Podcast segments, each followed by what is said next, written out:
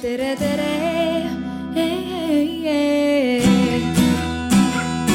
Eestimaa.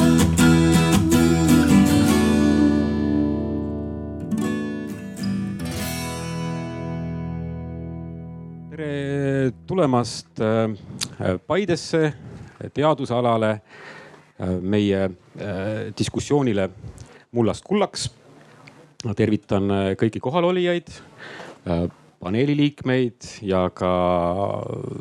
teid, kes te olete teisel pool ekraani läbi otseülekande. meil on Eestis on väga ilus loodus ja see on meie peamine ressurss ja, ja ka elurikkus. aga kuidas me saaksime oma ressurssi maksimaalselt väärindada? mis on üldse ressursi väärindamine?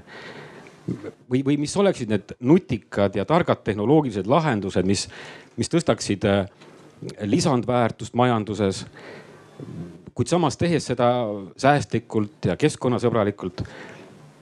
nii et, et meil oleks oma loodusvara äh, ka homme, ülehomme ja ka saja aasta pärast. et need on, need on teemad, mida me tahaksime täna siin arutada. ja ma läheksingi üle ja tutvustaksin hea meelega meie paneeli liikmeid ja hakkaksin võib-olla sealtpoolt pihta. Mart Loog, Tartu Ülikooli Tehnoloogia Instituudi molekulaarse süsteemibioloogia professor Eesti Sünteetilise Bioloogia Keskuse juht, eh, puidukeemia taasalustamise või taaselustamise eestvedaja siin Eestis. ma arvan, et nii võiks öelda küll. Eh, siis edasi Rando Värnik, Eesti Maaülikooli majanduse ja ökonoomia professor, erinevate eh, biomajanduste uuringute juht ning samuti Euroopa biomajanduse tulevikusuunalise ekspertgrupi liige ehk siis äh, Eesti biomajanduse eestvedaja. edasi äh, Tarmo Tüür, Eestimaa Looduse Fondi juhatuse esimees, metsanduse arengukava äh, juhtkonna liige, Eesti metsa heaolu eestseisja siis äh, edasi äh, Toidu ja Fermentatsioonitehnoloogia Arenduskeskuse nõukogu esimees, bioekspert OÜ juhataja, innovaatilise ja nutika toidu väärindamise eestvedaja, eks ole. ja, ja siis minu kõrval Eesti Metsa- ja Puidutööstuse Liidu juht, Eesti metsa- ja puidusektori arengu eest, eestseisja Hendrik Välja mina ise olen äh, Indrek Tulp, Eesti Teadusagentuuri äh, ressursside väärindamise äh, programmi juht. ja, ja võib-olla aluski, lähekski kohe siis tegelikult teemade juurde, et mis me siin ikka pikalt venitame. Ma usun, et tänapäeval on nii puidu kui toidutööstuses, me ei saa ümber ega, ega üle biomajandusest et võib-olla oleks mõistlik siin äh, korra seda mõistet natukene avada ja, ja sellest pisut rääkida, et, et me oleksime kõik ühel lehel, et äh, mis me selle all mõistame. ehk Rando, et, et mis siis, mis siis on äh, ühisosa ja erinevus biomajandusel, põllumajandusel? Kus me praegu Eestis oleme ja, ja, ja kuhu me, kuhu me võiksime jõuda? tere kõigile, mul on äh, hea meel, et, et äh, saab alustada ja, ja kui mõistest rääkida, siis äh, biomajandus on iseenesest ju biomassi väärindamine. ja see algab just nimelt peale sellest, et me kõigepealt peame seda biomassi tootma sellesama biomassi tootmise juures on oluline kindlasti jätkusuutlikud sellised tootmisviisid, keskkonnahoidlikud tootmisviisid teine pool on siis see, et, et kui me selle biomassi kätte saame, hakkame seda nagu väärindama, siis äh, sealt saame tooteid ja nende toodetega lõpptarbijani jõudmine või siis ka nende ettevõtete jõudmine, kes äh, omakorda seda nii-öelda müüvad turgudel. see ongi hästi lihtsalt öeldes nii-öelda biomajanduse selline hästi lihtne definitsioon, et, et kuidas me siis biomassi väärindame äh, läbi selle, et, et alustame selle biomassi tootmisest. ja see, see päritolu võib olla taimne biomass, tõesti võib olla ta puitne biomass, võib olla ka mikrovetikad, loomne biomass, makrovetikad selles mõttes, et see on nagu kõik see, mis on on orgaanilise materjaliga seotud, taastuv, see kõik tegelikult haakub selle biomajanduse temaatikaga. ja kui me seda hakkame väärindama läbi selle väärtusahela liigume edasi toodame uusi tooteid sellest biomassist. eesmärk võikski olla see, et me saame biomassi ühikust, saame rohkem lisandväärtust kätte, mis, mis aitab meil siis meie ettevõtteid edasi liikuda ja, ja ka konkurentsis püsida. see on hästi lühidalt sissejuhatuseks aitäh. Aavo, sul on ja. täiendusi toiduainete tööstuse valdkonnast? ja ma ei taha niivõrd toiduainete valdkonnast praegu täiendada, kuivõrd äh, seda selliselt, et Ühendriikides lähtutakse biomajanduses väga lihtsalt, et kõik, mis on DNA-ga seotud, on äh, tegemist ka biomajandusega. et äh, sama printsiip võiks ka meil kehtida, et asja lihtsamaks teha. aitäh aitäh, Aavo. aga Tarmo, kuidas, kuidas see biomajanduse osa nüüd äh, meie sihukese keskkonda istub, et kas see, kas see teeb meie, meie keskkonda paremaks, puhtamaks või, või, või äh, hoopis vastupidi? no kui jätkata siit, kus, tere kõigepealt ka minu poolt kõigile, kui jätkata siit, kus Rando lõpetas selle biomajanduse defineerimisega, siis viimane lause oli see, et eesmärk peaks olema see siis, et äh, igast sellest ühikust võimalikult palju kätte saada, et siis kindlasti me peame rääkima sellest, et biomajandust äh, tuleb vaadata ainult koos äh, suure ressursi ja energia säästmise plaaniga. et, et see on kindlasti tupiktee, kui me, kui me nii-öelda laiemalt vaatame ainult seda, et kui palju ühest ühikust kätte saada äh, no see, et me Eestis ähm, ja mitte ainult Eestis, muidugi ka laiemalt peame õppima Äh, paremini väärindama ja, ja olema innovatiivsed, nutikad. Noh, kasvõi sellest tegelikult ju kas küsimust ei ole, et pigem ongi, ongi nagu kuidas küsimus ja, ja, ja ka sellele kuidas küsimusele oleme, oleme kasvõi sellel sama käesoleval aastal saanud väga palju sellist Eh, lisamotivatsiooni ja, ja kinnitust, et, et tegelikult meil on vaja oma, oma majandust ümber struktureerida. Eh, siinsamas Eestis on seda öelnud eh, hiljuti nii valitsuse majandusekspertnõukogu kui Teadusakadeemia juhatus ja noh, Euroopa tasemel me räägime ju roheleppest, me räägime elurikkuse strateegiast, nii et, nii et, et ka seal see suund on tegelikult selge ja ja noh, innovatsioonist ka tegelikult me võiksime kindlasti rääkida siis eh, kolmanda põlvkonna innovatsioonist ikkagi, kus see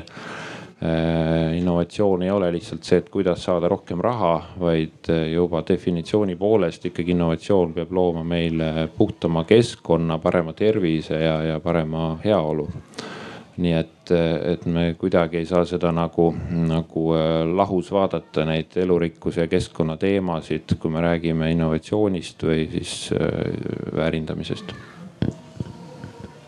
et äh, edasi minnagi, et võib-olla tõesti, et Mart,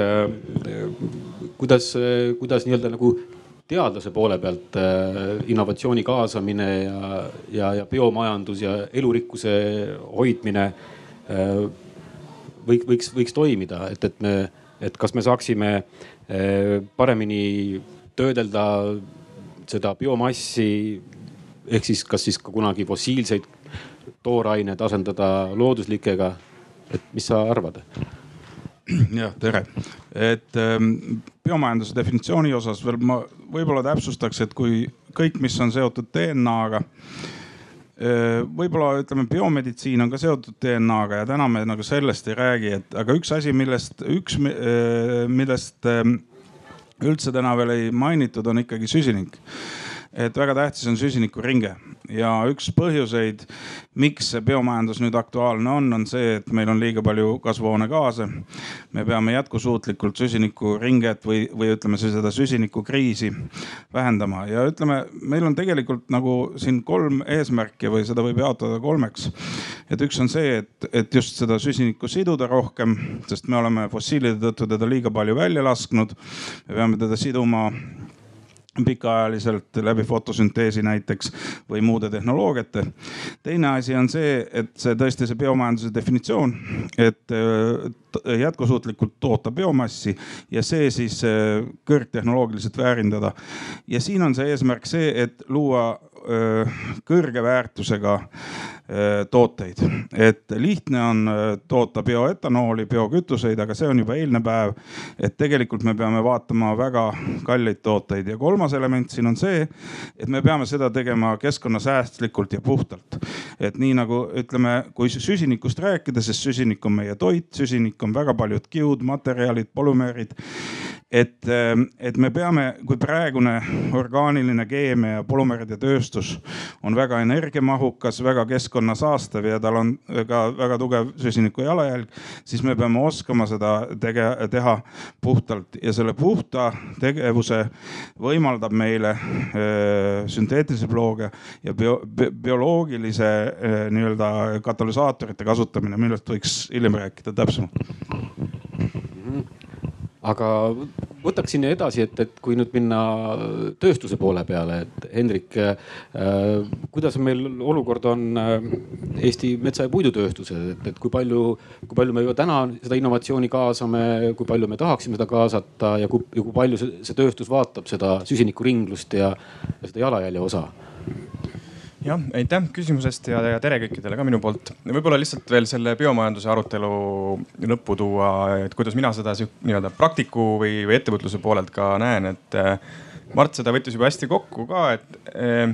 tegelikult on oluline see, et, et me tahame selle biomassi ressursiga asendada nüüd ikkagi neid eh, fossiilseid.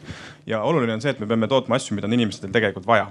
mida tegelikult ühiskonnal on vaja, mitte lihtsalt äh, otsima viisi, kuidas seda väärindada ja raha teenida, vaid, vaid peab tegema neid asju, mille järgi täna on ühiskonnal kõige suurem nõudlus ja tööstuse poolel me kindlasti äh, vaatame selle poole igapäevaselt. Eesti puidu väärindamine, Eesti puidutööstus, äh, ta on väga kaldu mehaanilise väärindamise poole ehk mille väljund on väga palju siis ehitusesse ja, ja seda tihti biomajanduse all jäetakse nii-öelda tähelepanuta, ta jäetakse natukene kõrvale, sellepärast et kui me vaatame tõesti, mis teaduses toimub, siis äh, kogu innovatsioon ja areng toimub keemilises väärindamises. mehaaniline töötlemine on juba sihukene suhteliselt küps ja, ja suhteliselt äh, valmis tehnoloogia, kus me põhiliselt räägime siis nii-öelda toote arendamisest, kuidas me siis selle ehituse püsti paneme, aga see puit on seal ikkagi seesama mehaaniliselt saetud, hööveldatud ja liimitud puit, et, et seal nii suurt innovatsiooni ei toimu. keemilise poole peal ma arvan, et see on, äh, meil on, meil on näha Eestis esimesi siis selliseid äh, innovatsioonitekkeid äh, koos, koos ka siis Mart on, eks ole, väga suure panuse andnud ja, ja suurelt seda vedanud. ja see on ülimalt positiivne. see on kindlasti meiesugusele riigile hästi suur väljakutse, sest et kui me vaatame millises keskkonnas me tegutseme, meie konkurendid, ettevõtted on sama suured kui Eesti riik või võib-olla suuremadki. Nende teaduseelarved selle ühe väga kitsa teema uurimiseks on suuremad kui kogu Eesti haridussüsteemi rahastus. et ähm, sellises konkurentsis on, on meil kindlasti suur väljakutse ehm, seda uut innovatsiooni luua. aga samas ma arvan, et milles eestlased on alati olnud tugevad, on, on uuenduste väga kiiresti omaksvõtmises, adapteerimises ja, ja ühiskonnale skaleerimises. ehk siis ehm, minu seisukoht sellelt osalt on, mida me tööstuse poolelt pigem teeme, on me jälgime neid innovatsioone, mis, mis maailmas toimuvad ja, ja kui need hakkavad küpseks muutuma, siis äh, kindlasti on Eestis äh, neid ettevõtteid, kes soovivad neid äh, kiiresti rakendada. Seda on muidugi rõõm kuulda, et, et, et erasektor on ja tööstussektor on, on väga huvitatud ja, ja valmis selleks, et kas Aavo ka toiduaine poole pealt Eh, ma tahaks kõigepealt täpsustada, siin oli palju juttu eh, süsinikuringlusest, eh, siis faktidest rääkides, siis tegelikult üheksa, globaalselt üheksa pool gigatonni aastas emiteeritakse süsinikku ja sellest seotakse ära siis põllumajanduses ja veekogudes circa pool, nii et teine pool lendab meil õhus, õhus ringi, mis on tegelikult kasvuhoonegaasid ja kõik, kõik seesugune. ja nüüd arvata, et ainult põllumajanduse ümberstruktureerimise või metsamajanduse ümberstruktureerimisega me suudame seda süsinikku fikseerida, siis seda ei ole. ühtlasi peame me vaatama kahte erinevat ringlust, on või on kiire fikseerimine ja on aeglane fikseerimine, et aruandluses tihtipeale jäetakse see kiire, kiire süsiniku fikseerimine välja. aga samas majanduse koha pealt eh, on see kõige olulisem, sest kogu see põllumajandus meil ongi või biomajandus, kuidas me seda iganes siis tulevikus nimetame, eh, ongi seotud just selle eh, kiire ringluse ja kiire, kiire fikseerimisega. ja kui me nüüd lähemegi põllumajanduse juurde ja toidu, toidutoorme tootmise juurde ja sealt toiduainete tootmise juurde siis, siis tegelikult, kui me vaatame Eesti majandust, et eh, kuidas meil põllumaad on eh, asustatud ja kuidas meil ka metsandus, siis tegelikult võrreldes eh, naaberriikidega meie tulu tootmine ühe hektari kohta on circa kaks korda kaks korda madalam, Hollandist ma ei räägigi, seal on juba kümned korrad eh, need vahed. et eh, me oleme sisuliselt toormetootjad, et eh, kui meil kakskümmend kaks protsenti circa põllumaast moodustab nisu, mis müüakse maailmaturu hindadega konkureerides sealjuures Ukraina ja teiste selliste suurte põllumassiividega müüakse Araabiasse kuhu iganes kaamelitele toiduks, siis see päris õige ei ole. Et tegelikult tuleks, tuleks laiemalt üle vaadata kogu põllukultuuride valikud, et mida me üldse kasvatame et, et kui me oleme suhteliselt suured süsiniku tootjad per capita, kasvuhoonegaaside tootjad per capita, siis eh, teeniks vähemalt raha läbi toodangu eh, tootmise ja toodangu müümise. et eh, metsandus näitab sama, sama lugu tegelikult, et me oleme suuresti metsa, metsa tooraine müüjad, mitte metsa metsa väärindajad, aga see pilt peab üsna ruttu muutuma, sest vastasel juhul me ei ole enam konkurentsivõimelised. toidu tootmises hakkab vaikselt see revolutsioon toimuma ja seda, seda tegelikult eestvedajad on Põhjamaad, Soome suures, suures hulgas, kelle kelle kultuuride, põllukultuuride valik on, oi kärbsed,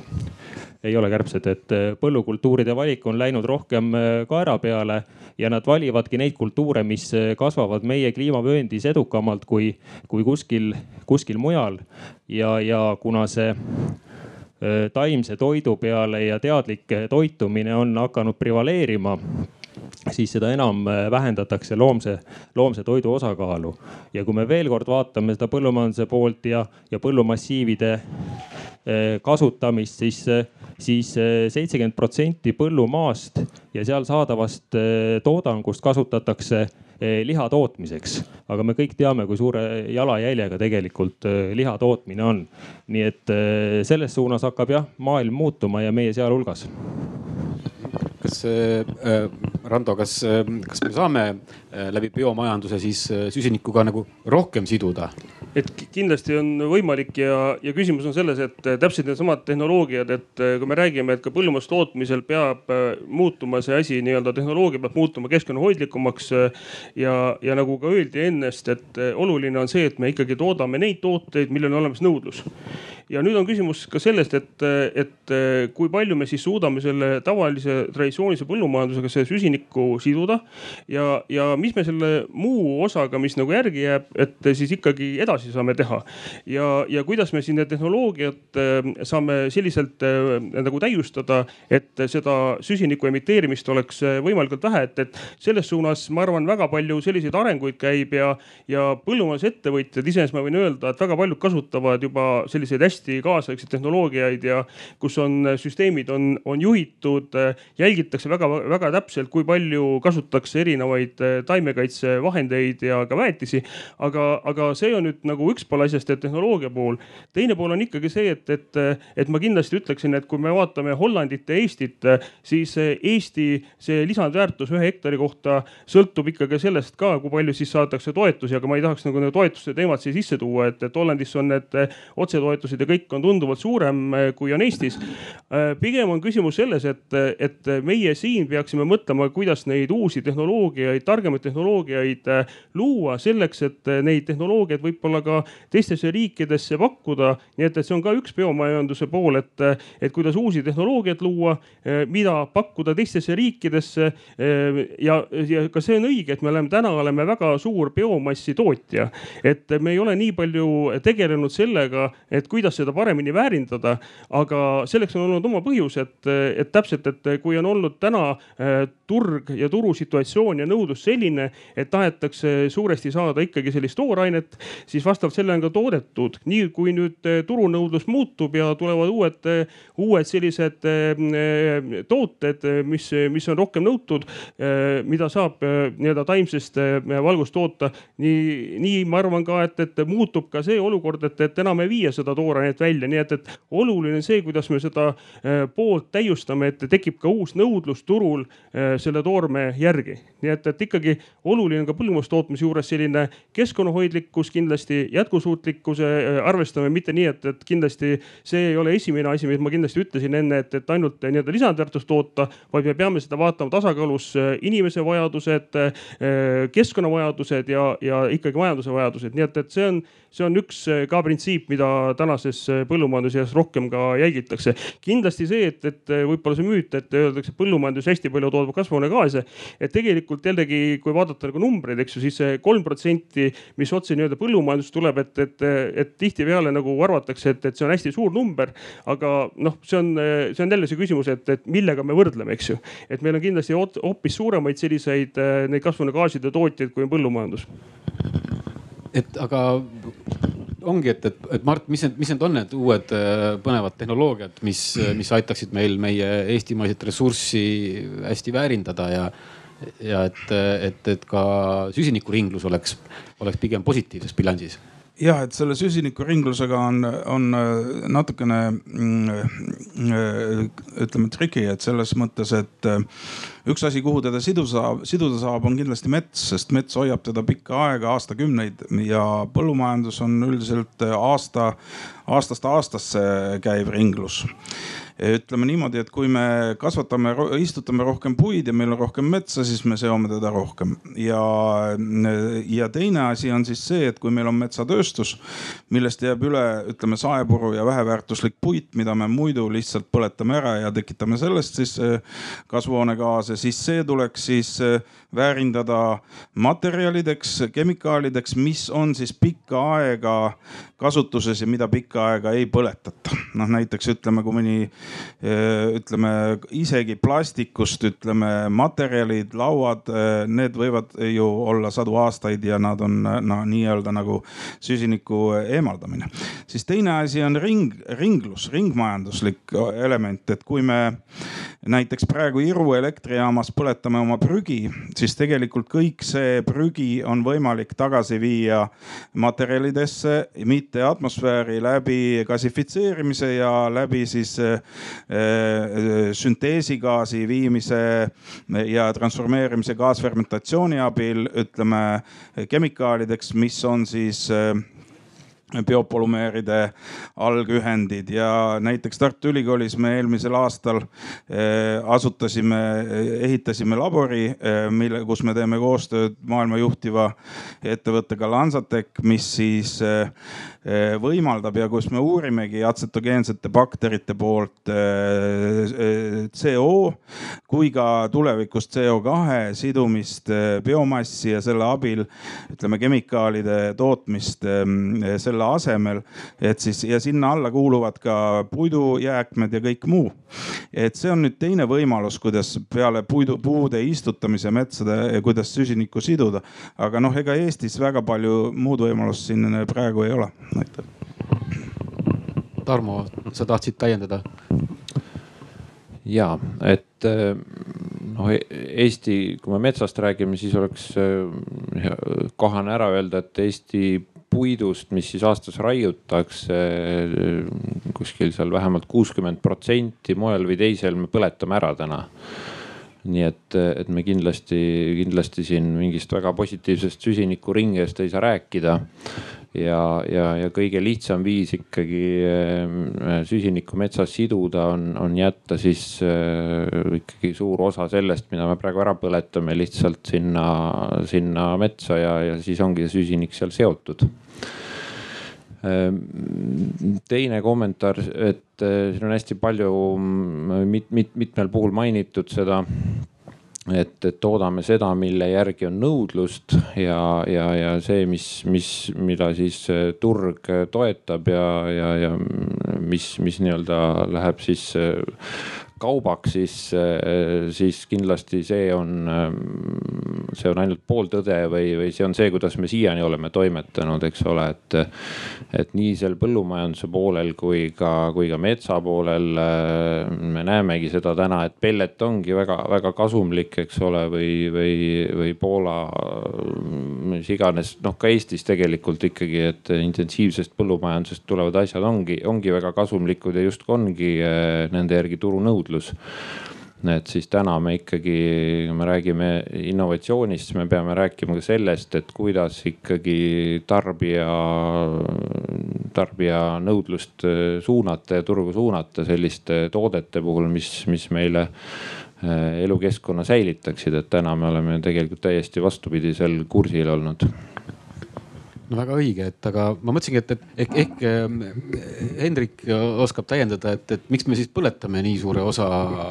meie puidumassist ära? ma tahaks, ma tahakski jah täiendada siin paari eelmist remarki, mis oli eh, tooraine ekspordi ja, ja selle põletamise ja, ja kõige kohta, et eh, see kuuskümmend protsenti väide, seda saab nüüd natukene lahti seletamist, muidu võib sellest asjast valesti aru saada, et kui me vaatame, kui palju aastas meie metsadest tuleb raiega puitmaterjali, siis sellest nelikümmend protsenti on nii-ütelda saepalgi kvaliteet, mis läheb äh, saagimisesse, seejärel hööveldamisesse ja jõuab lõpuks äh, enamasti siis kas puitmajadesse, mööblisse, sellisesse pikaajalisesse äh, tootesse. küll aga jah, nüüd sellest neljakümnest protsendist nende tootmisprotsesside käigus hakkab tekkima jääke, millest teatud teatud osa liigub uuesti siis põletusesse. lihtsalt paraku ümmargusest puust kandilist materjali teisiti kätte ei saa, kui tuleb seda saagida ja seal jääb jääke. väga suur osa nendest jääkidest kasutavad tegelikult täna puidutööstused ise ära. ehk siis eh, moodsamad puidutööstused on sisuliselt võimelised toimima sõltumatute üksustena, kes toodavad iseenda vajalikku sooja ja elektri sellest samast äh, puukoorest, mis tekib äh, sealt palgi ümbert. Äh, saagimisel tekkiva kvaliteetsema saepuru nad müüvad tselluloositööstustele, kes teevad sellest kas siis pakkematerjale või siis väga kiiresti aina enam juba siis neid innovaatilisi komposiitmaterjale, kemikaale ja, ja siis jah, nagu ma mainisin, et need äh, nii-öelda saetud prussid, need jõuavad läbi viisi või teise lõpuks ehitusesse. ja, ja puittõuste ehitamine, kui me räägime sellest süsinikuringest, on noh äärmiselt oluline, sellepärast et esiteks see on üks hea, väga hea viis, kuidas see äh, puu sees olev süsinik väga pikaks ajaks tootesse lukku panna. aga teine isegi veel olulisem efekt on see, et me peame juurde tooma asendusefekti mõiste. ehk siis, et kui me, kui meil on nüüd valik, kas ehitada üks maja puust või, või betoonist, eh, siis eh, kui me valime et me teeme ta puust, siis esiteks me seome selle puu sisse väga suure hulga süsinikku, aga teiselt poolt me jätame ka väga suure hulga energiat tarbimata. lihtsalt kuna puidu töötlemine on niivõrd palju lihtsam ja, ja see asendusefekt, kui me, kui me ühe kuupmeetri kohta seome puidu sisse ühe tonni süsinikku, siis asendusefekt selle kuupmeetri kasutamisel eh, võib olla üks kuni viisteist tonni. ehk siis tegelikult see asendades betooni me võime saada kuueteistkordse positiivse süsiniku efekti. ja, ja tegelikult sellest eh, on päris mitmel pool aru saadud ja, ja on väga põnev näha, kuidas äh, väga paljud riigid on tegelikult võtnud oma avalike ehitiste ehitamisel äh, ette äh, eelistadagi ja arendada just seda puidu kasutust kõrghoonetes, avalikes hoonetes ja nii edasi. hästi kiiresti veel käiksin siis üle, et kui nelikümmend protsenti oli meil palk metsast, siis umbes kakskümmend viis protsenti on meil sealt paberipuu, mis kahjuks rändab Eestist välja. Soome Rootsi tselluloositööstustesse, võiksime seda väärindada kindlasti koha peal. Mart selles suunas natukene asju liigutab, on siin varem proovitud, kas me selleni jõuame, saame näha ja kolmkümmend viis protsenti on meil küttepuu sortiment, mis on äärmiselt kõrge, kui võrdluseks tuua, siis üksteist protsenti on see soomlastel. ja see on seotud ühtepidi meie sellega, et meie metsad on mitmekesisemad, aga teistpidi ka sellega, et äh, nad ei ole hooldatud, äh, majandatud äh, samavõrd siis järjepidevalt, kui seda on tehtud Skandinaavias. me lihtsalt satume olukorda, kus tihti sa lähed, võtad ilusa kuuse metsas maha, saad aru, et kui sa oled ta ära langetanud, et ta on seest mädane, mädanikuga, kahjuks selline enam ei sobi saeveskisse ega tselluloositööstusesse, ta lihtsalt suur ilus puu läheb kütteks. oleks me talle viis aastat varem läinud järele, oleks tast saanud ilmselt hea ehitusmaterjali see on ju iseenesest väga-väga hea kui, kui nelikümmend protsenti äh, metsamaterjalist seotakse pikaks ajaks ja see hoiab ju tegelikult päris suure osa süsinikku kinni. et vaata, Tarmo, sa tahtsid äh, selles osas midagi täiendada? Ja ei, sa said Henrikust valesti aru, et mitte neljakümnesse ei seota, vaid umbes kahtekümnesse, et ülejäänud läheb sealt lihtsalt jääkideks ja põletatakse lihtsalt teisel ringil ära ja noh, seda puud, millest ei saa midagi mõistlikku teha, ega seda ei pea tingimata sealt maha raiuma, et ta võib rahulikult äh, metsas äh, edasi olla, et äh, sellega ei ole probleemi. Ma tahtsin lihtsalt siia juurde öelda, et see asendusefekt on, on selline ka asi, millega saab väga hästi põhjendada äh, nii-öelda erinevates laudade taga ja, ja, ja, ja juturingides asju. Aga noh, tegelikkuses asendusefekt toimiks siis, kui me konkreetselt äh, puidu äh, või, või muu lood biomajanduse toote võrra jääb kohe siin kõrval fossiilsest kütusest asi tootmata, aga noh, paraku seda ei ole, et ka fossiilkütuste tarbimine ju üha suureneb, nii et tegelikult on, on meie need mõlemad ringid, nii bio kui fossiilmajandused praegu suunatud ikkagi tarbimise kasvule, et, et selles mõttes asendusefektist võime rääkida, aga, aga ta sisuliselt lihtsalt ei, ei, ei toimi muidu. et tahtsin lihtsalt öelda, sellega ma olen hästi nõus, et äh, tarbimise piiramine ja vähendamine on üks oluline meede. et äh, täna kahjuks me oleme tõesti olukorras, kus lihtsalt äh, rahvastiku arvu kasvu, heaolu kasvuga see, see tarbimine endiselt suureneb. et jah, see on paratamatus. Mart tahtis täiendada jah? Ja ma tahtsin selle fossiili asenduse küsimuses ka, et tegelikult ega e, peale kütuste noh, materjalide jaoks e, ja plastiku jaoks e, kasutatav fossiil ei olegi väga suur osa, ütleme kütused on ikkagi põhiline. aga mis on positiivne just Eesti kontekstis on see, et tegelikult meil on tõepoolest kuna meil on väga tugev puidutööstus, siis ka puidujäätmeid on väga palju. aga nende jäätmete väärindamise osas on astutud väga-väga innovaatilisi samme just äh, viimastel aastatel. näiteks äh, Graanul Invest on ehitamas täiesti mm, uudsel tehnoloogial Imaverre puidu rafineerimistehast, mis siis ähm, just nendest väheväärtuslikust puiduliikidest ja ka saepurust toodab, hakkab tootma ligniini, äh, puidusuhkruid äh, väga väikese,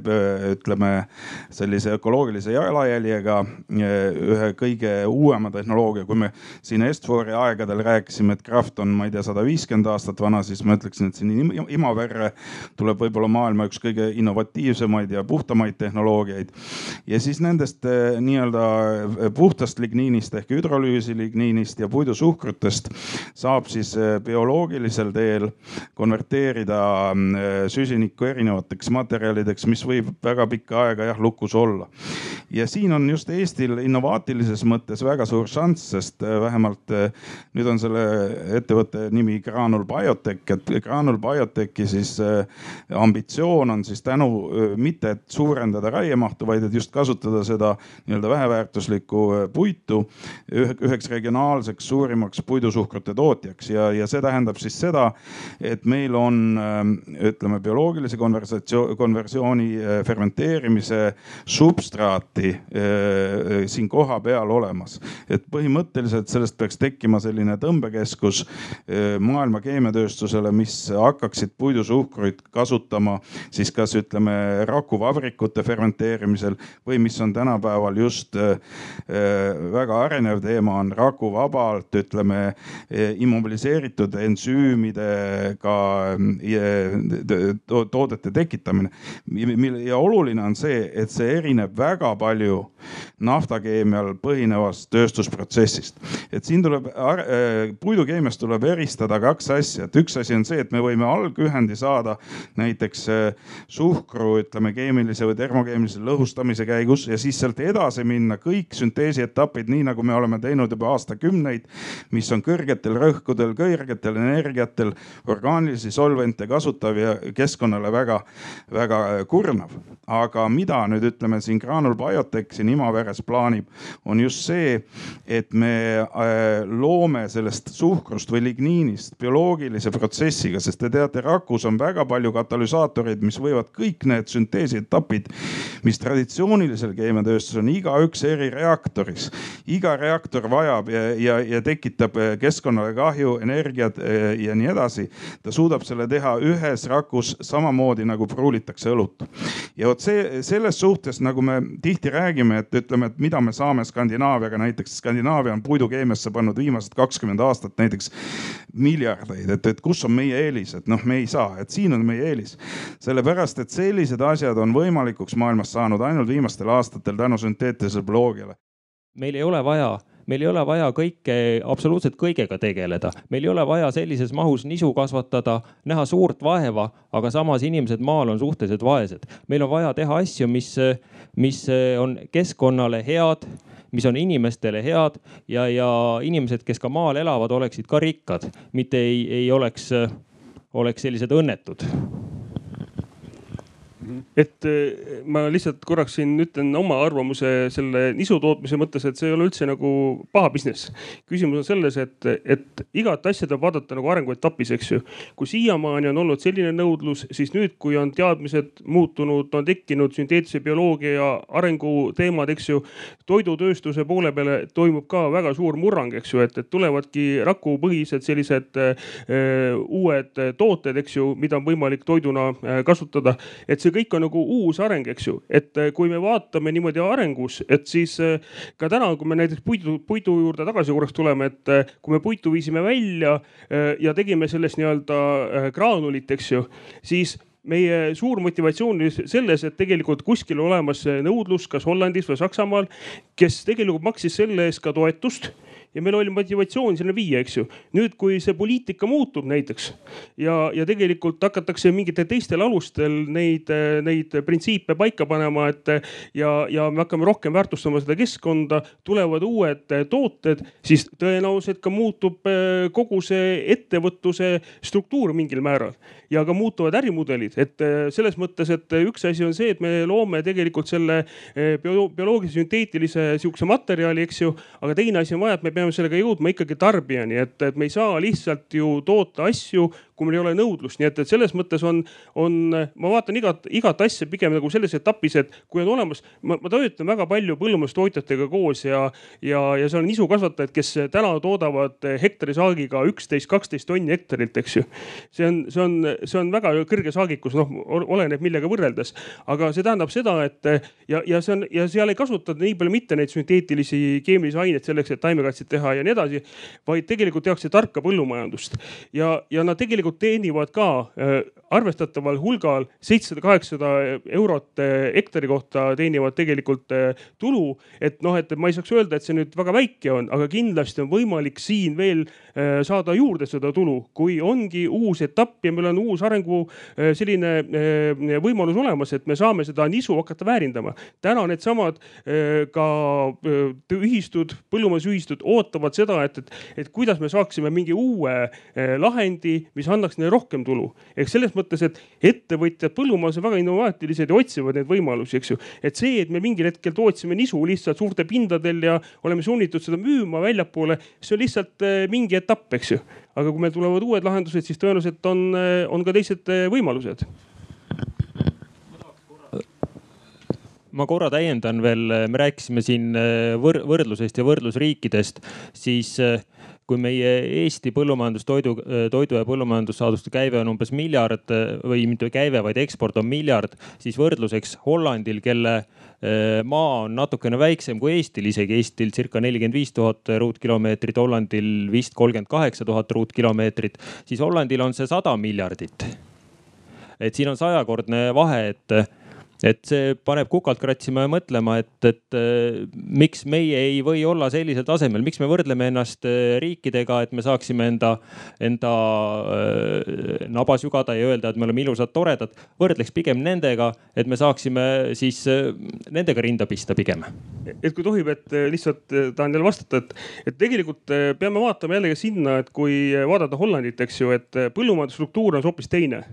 eks. et kui meil on suhteliselt palju põllundusmaad ja me toodame seal teravilja ja, ja meil on lüpsilehmi ja me tõesti päevas toodame kakssada, kaks tuhat tonni päevapiima, siis eh, tegelikult seal on hästi palju aiandust, eks ju. sinna on hästi palju panustatud füüsiliselt raha sellesse, et teadusarendust, tehnoloogiaid välja töötada ja seda tarka nii-öelda tehnoloogiat müüa teistesse riikidesse. sealtkaudu on tegelikult tekkinud ka sektorile uus selline võimekus. nii et, et noh, me jõuame tegelikult ühe otsaga tagasi sinna, kuidas siis teadust ja arendustegevust väärtustatakse riigi tasandil ja kui palju seda finantseeritakse. ehk siis äh, kui me nendesse asjadesse rohkem äh, panustame riigi raha, siis tõenäoliselt tulevad ka targad lahendused ja, ja me saamegi pakkuda ka alternatiivseid asju nendele, mis meil täna on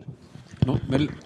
ja aitäh, Rando, see on väga õige, õige tähelepanek, et tõepoolest seal on panustatud väga palju ja kui me vaatame Hollandi, Hollandi eksport, ekspordistruktuuri, siis circa kümnendik sellest sajast miljardist ongi kõiksugu põllumajandustehnoloogiad, mida nad ekspordivad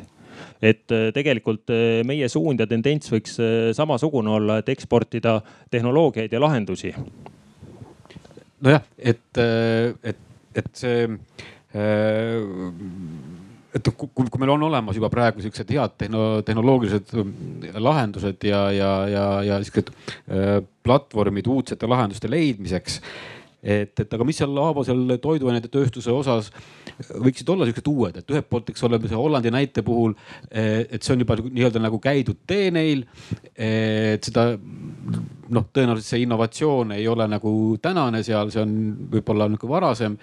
et aga mis meil oleks nagu täna, mida me saaksime võib-olla teha veelgi paremini kui Holland, et kas me saaksime näiteks kasutada mingeid taimseid äh, valke loomsete valkude asemel, et. täpselt, täpselt niimoodi ongi, et äh, taimse toorme kasutamine rohkem äh, inimtoiduks ja taimsete valkude kasutusele võtmine, see on see põhiline suund ja see, see võikski olla Eesti selline tendents sest eh, meie kliimavöönd, meie muld võimaldab kasvatada neid kultuure, kust neid eh, on edukalt võimalik ekstraheerida ja nendest töödelda ja teha erinevaid eh, tooteid, mis mis on maailmaturul väga nõutud. Kas meil juba mõni on juba olemas, saan ma minna poodi, osta juba mõnda toodet või, või no, kas arendused käivad? ja erinevaid taimseid, taimseid tooteid meil on ju kauplustes olemas ja üha enam toidutööstused mõtlevad selles suunas. Ja mitte ainult ei mõtle, vaid ma tean, ma ei taha välja öelda, aga ma tean, et sügisel nii, nii mõnigi lansseerib uued, uued tooted, kus on ka meie käsi mängus olnud see on muidugi väga-väga hea, et, et, et meil nagu liigub selles suunas ja siis me jõuame ka Hollandile järgi, eks ole. tegelikult on niimoodi, et me ei taha järgi jõuda, me tahame ette jõuda arusaadav, arusaadav. aga, aga nüüd, kui, kui me võtame nüüd niipidi, et, et, et, et noh, see niisu kasvatamisest oli siin ka palju juttu no, nisu kasvatamine võib-olla on müstifitseeritud siin, et ma võib-olla liiga intensiivselt seda rõhutasin, aga ma tõin näite lihtsalt, et kohati tegeletakse pikka-pikka aega ebaefektiivsete asjadega, et see endale võib-olla ei tundugi nii ebaefektiivne, kuna inimesed ise on harjunud ja selle, selle asja sees. aga kui süveneda numbritesse ja vaadata, mis tegelikult toimub ja tõesti võttes arvesse ka need nüüd juba võib-olla toetused, võttes arvesse CO2 emissiooni, süsiniku sidumise sidumise, siis, siis paneb küll kukalt kratsima, et miks sellise asjaga tegeletakse. Seda küll, et aga ma tahtsin jõuda sinna, et, et, et kui kasvatatakse, on see nüüd nisu, kaer või, või mingi muu, siis äh, sihuke intensiivse põllumajanduse kontekstis on, on ikkagi peamiselt ka monokultuuri viljelemine. Et äh, mõtlesingi, et võib-olla ongi paras hetk nüüd avada nagu seda, seda suunda ka, et, et, et kuidas noh, selles mõttes monokultuuri viljelemine nagu pikas perspektiivis keskkonnale just ei ole just kõige sõbralikum. et ühelt poolt ta kurnab selle maa ära äh,, teistpidi äh, on ka nagu mesilindudel omad probleemid. et võib-olla Tarmo äkki oskab seda, äkki sa saaksid avada seda osa. Ja mis me siin nagu teha saaksime, et kus me siin sihukese kompromissi kesktee suudaksime leida? jah, siin on probleem ju selles, et, et, et meil on küll üksikuid häid näiteid äh, ja, ja, ja justkui tehnoloogiaid, aga, aga kui tervikuna ikkagi Euroopa põllumajanduspoliitika on äh, niivõrd suunatud ja soosib äh, just sellist intensiivset majandamist ja monokultuurset majandamist siis on nagu väga raske, et tegelikult tuleks ikkagi selles teha kiire pööre ja, ja uuel, uuel rahastamisperioodil. Et see on ikkagi, põllumajandus on niivõrd toetustega seonduv, et see, mida siis põllumees tegelikult seal põllu peal teha saab, on, on hästi palju ette kirjutatudki nende samade toetuste poolt, nii et noh, ühelt poolt justkui hoovad on hästi lihtsad, äh, millega see pöörata noh, peaaegu et sada kaheksakümmend kraadi teise suunda, aga teiselt poolt muidugi keeruline on see puhtpoliitiliselt selle, see, see läbi viia et ehm, kindlasti liha tarbimist tuleb vähendada, see on selge. Eh, aga, aga me ei, ei saa seda ka nulli viia ja noh, Eesti kontekstis on selge, et siin tarbime vähem ja tarbime kvaliteetsemat liha ja tarbime siis eh, pärandkooslustelt, poollooduslikel koosluste hooldamise Äh, käigus nii-öelda tekkivat liha ehk siis nendelt loomadelt, nii et äh, ja, ja selliseid äh, suunamisi saaks ja peaks kindlasti tegema nii EL-i kui ka muidugi Eesti, Eesti tasandil, et ja ja ka mm, hea näide sisse tuua, et, et me ei räägiks siin kogu aeg ainult sellest, mis, mis, mis, mis on halvasti, siis äh, näiteks äh, sellel aastal jõudis eesti keelde ja Eesti tarbijani selline asi nagu kalafoor mis siis on äh, WWF-i poolt algselt ja siis Eestis Eesti kalateadlastega koostöös üle vaadatud, et, et kõigi kalaliikide kohta siis äh, antud sellised märgid, et kas ta on jätkusuutlik, kestlik, kuidas teda on püütud ja, ja just hea näide selles mõttes, et me ei pea alati nagu ja me ei saagi tegelikult jääda alati ootama, et nüüd teavitame muudkui tarbijat, teeme märke. Et seda meile sageli nagu tootjad ütlevad ja tõstavad käed püsti, ega noh, meie ei saa midagi teha, et kui inimesed poes niimoodi otsustavad et kalafoori osas olid samast Eestist väga hea näide on ka siin lähiriikidest, et, et ka suur, suurte kaubanduskettidele pakkusime selle võimaluse välja ja näiteks Rimi võttis sellest kohe kinni ja, ja viis lihtsalt oma kalasortimendi kõigis poodides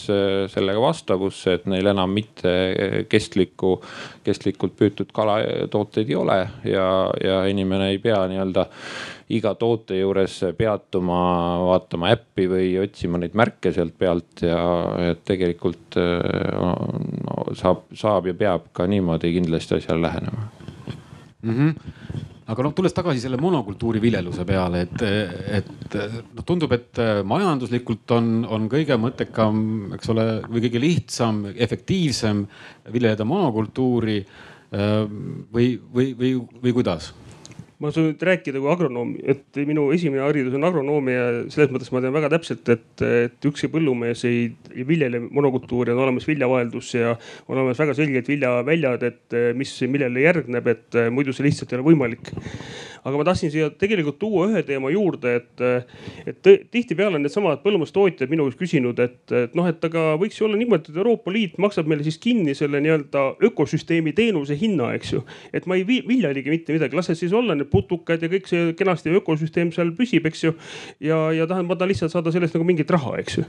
ja, ja siis, kui see diskussioon sinna läheb, siis tegelikult diskussiooni nagu see jutt lõpeb ära, et, et tegelikult, et, et mis on nagu võib-olla oluline printsiip, et meil on ikkagi ikkagi hulk inimesi, kes tahavad süüa.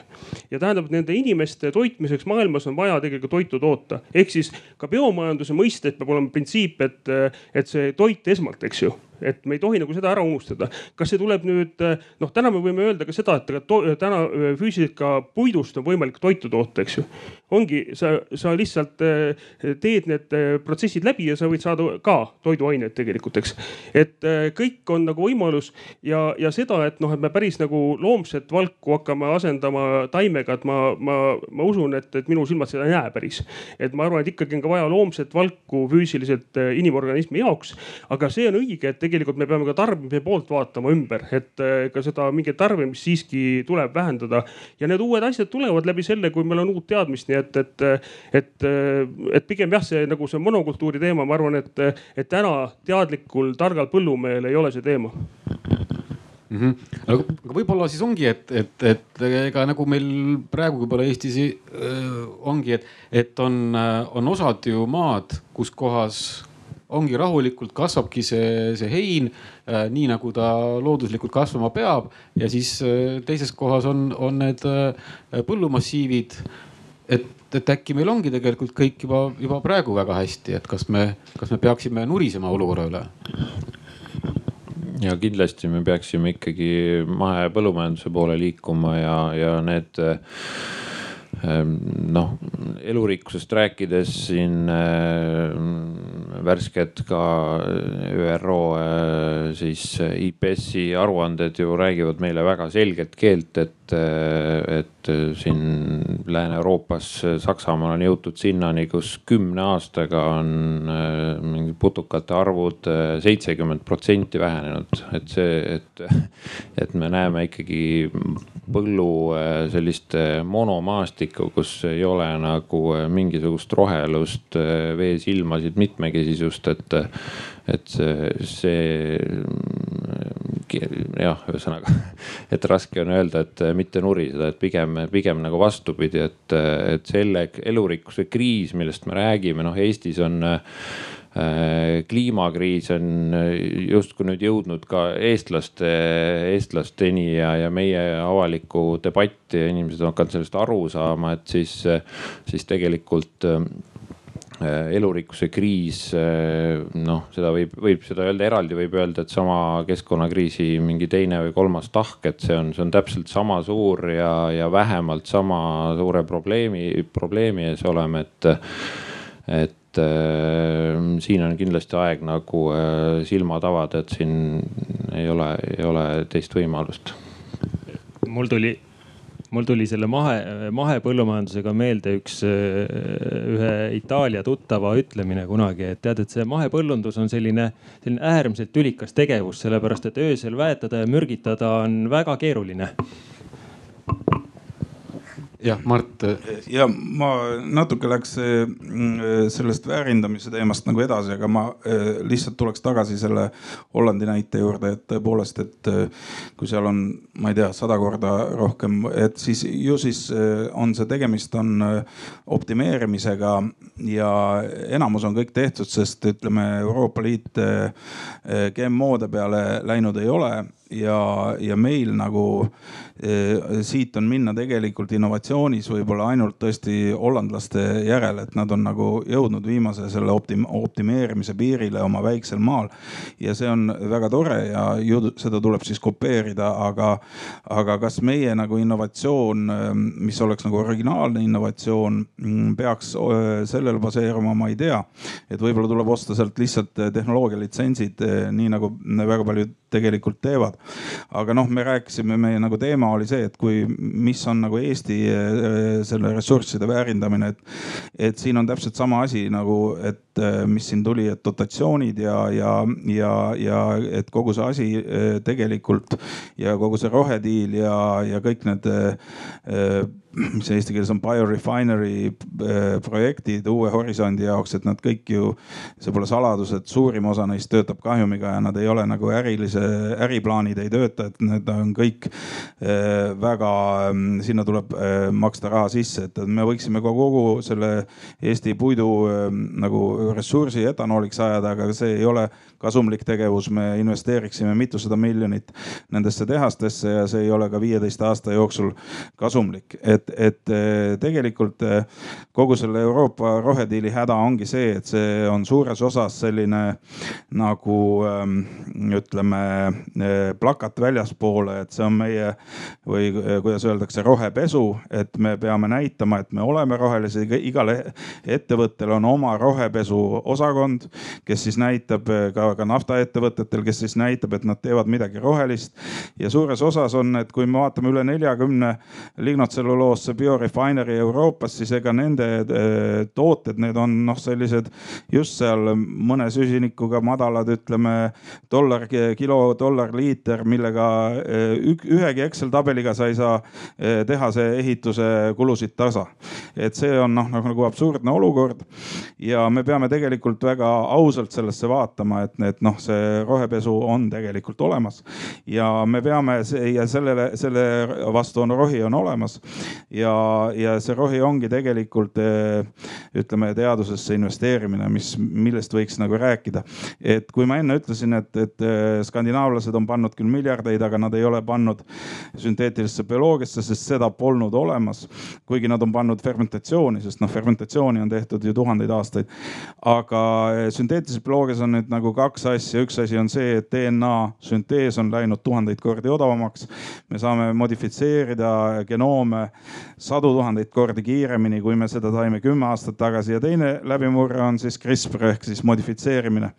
mitte sünteetiline DNA, aga, aga ütleme genoomide modifitseerimine. aga hea, aga, aga tegelikult see on ka kõik ja see tähendab seda, et meil on, on, on, on küll tohutu areng toimunud, aga meil on kõik võimalused ja tööriistad olemas ja meil on kuuekümnendate lõpust Eestis molekulaarbioloogia, ütleme esimesed laborid, mis on tegelikult ainulaadne ka, ka läänemaailmas. ja meil on põlvkondade kaupa koolitatud molekulaarbioloogia spetsialiste. et praegu on see võimalus minna ja, ja, ja, ja luua see, ütleme uued, uute funktsioonidega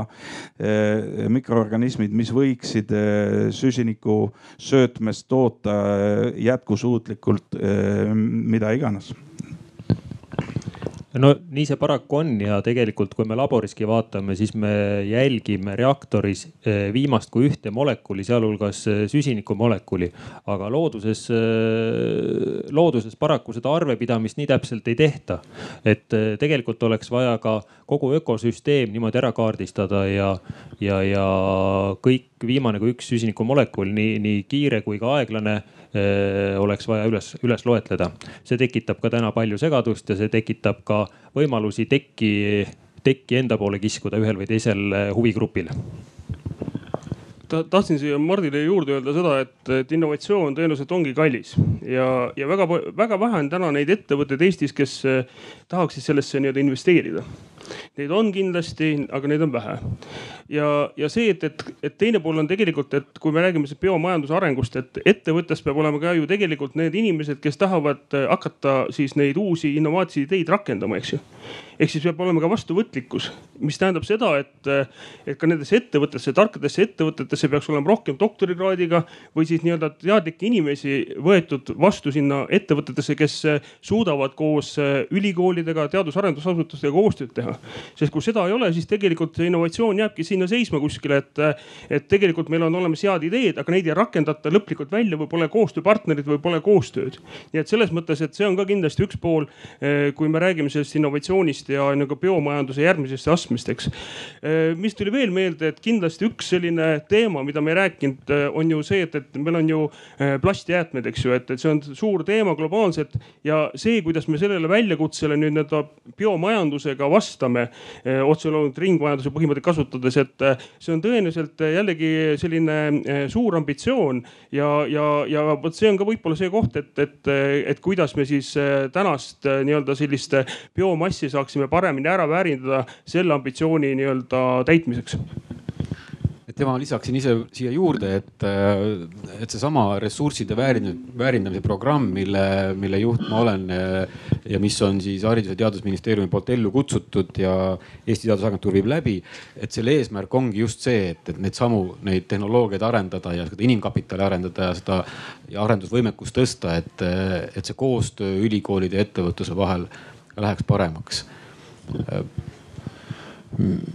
mina tahaks öelda selle mm, Mardi jutu jätkuks, et, et see, et kas mingi roheline arendatav tehnoloogia või, või veel poole peal olev tehnoloogia on, on kasumlik või mitte, et, et, et selles osas ikkagi noh, ette on väga-väga raske nagu julgeid eh, otsuseid teha, et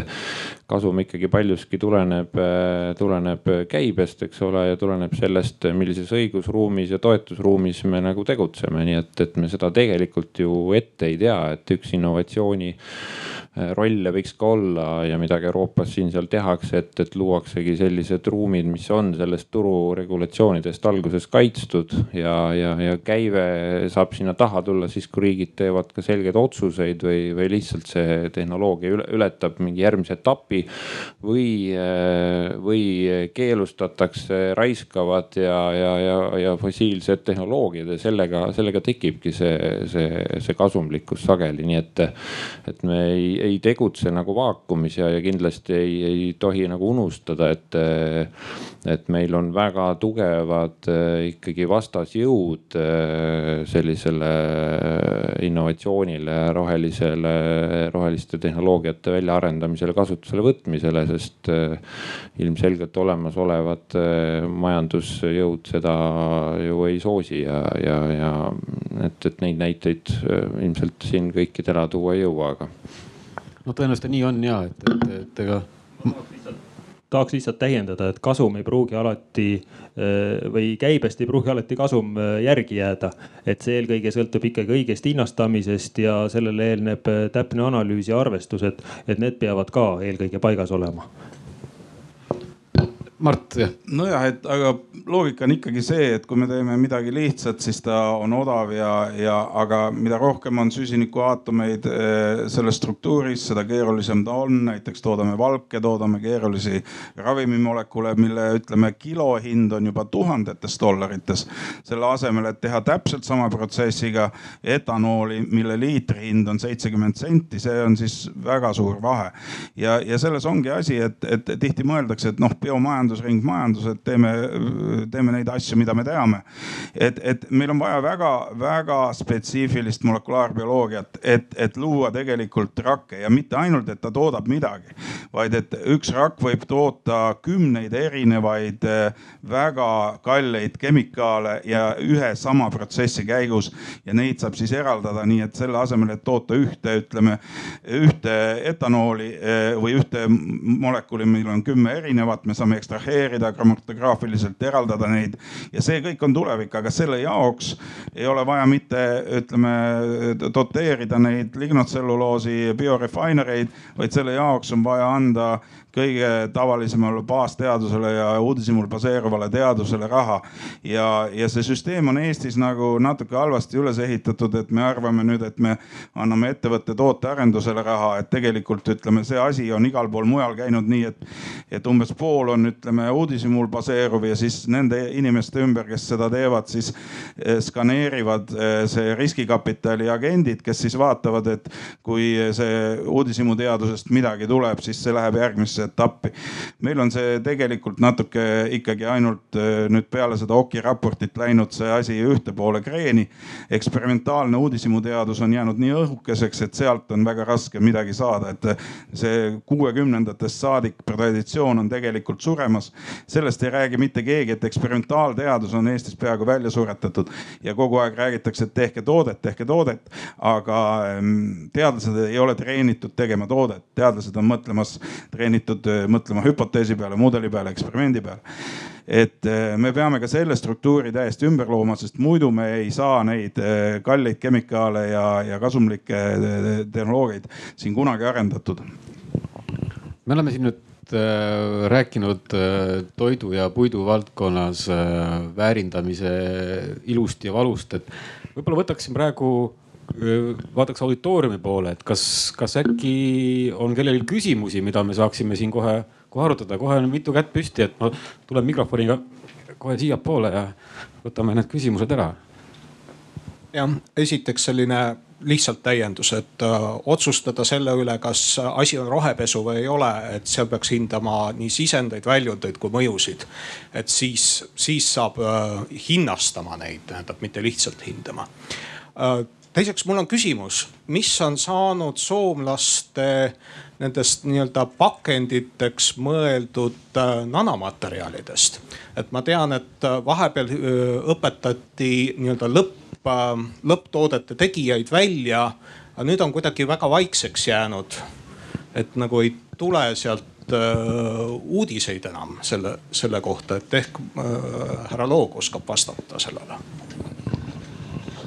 ma täpselt ei tea, millised, aga ma võin öelda, et nanotselluloosist on juttu jah, tõesti oli siin mõni aasta tagasi väga palju, aga me peame teadma, et tegelikult nanotseluloosi on väga raske toota ja neid toodetakse ainult mõned, võib-olla sajad tonnid maailmas. et see on ikkagi äh, keeruline asi, seda võib toota ka bakterist tegelikult. nanotselluloos üldse äh, avastati kui bakteriprodukt tegelikult. aga noh, mida keerulisem on eraldamine, seda kallim jälle on ja seda järjekordselt vähem. me võime küll kirjutada mõne Euroopa projekti projekti selle peale ja, ja seal evalueerijad panevad silmad kinni, aga seda vähem see ärimudel tegelikult töötab, et me peame ehitama väga keerulise äh, tehase äh, ekstraktsiooniaparatuuri ja siis arvutama, kui mitme aasta pärast me saame ja kui palju me suudame seda toota. et noh, eks ta ole selles mõttes, et kogu see innovatsiooni nagu ähm, asi on läinud kreeni selles mõttes, et kõik tahavad kohe saada nagu seda dollarit ja kasumit, aga tegelikult meil on vaja kõik eri etapid täita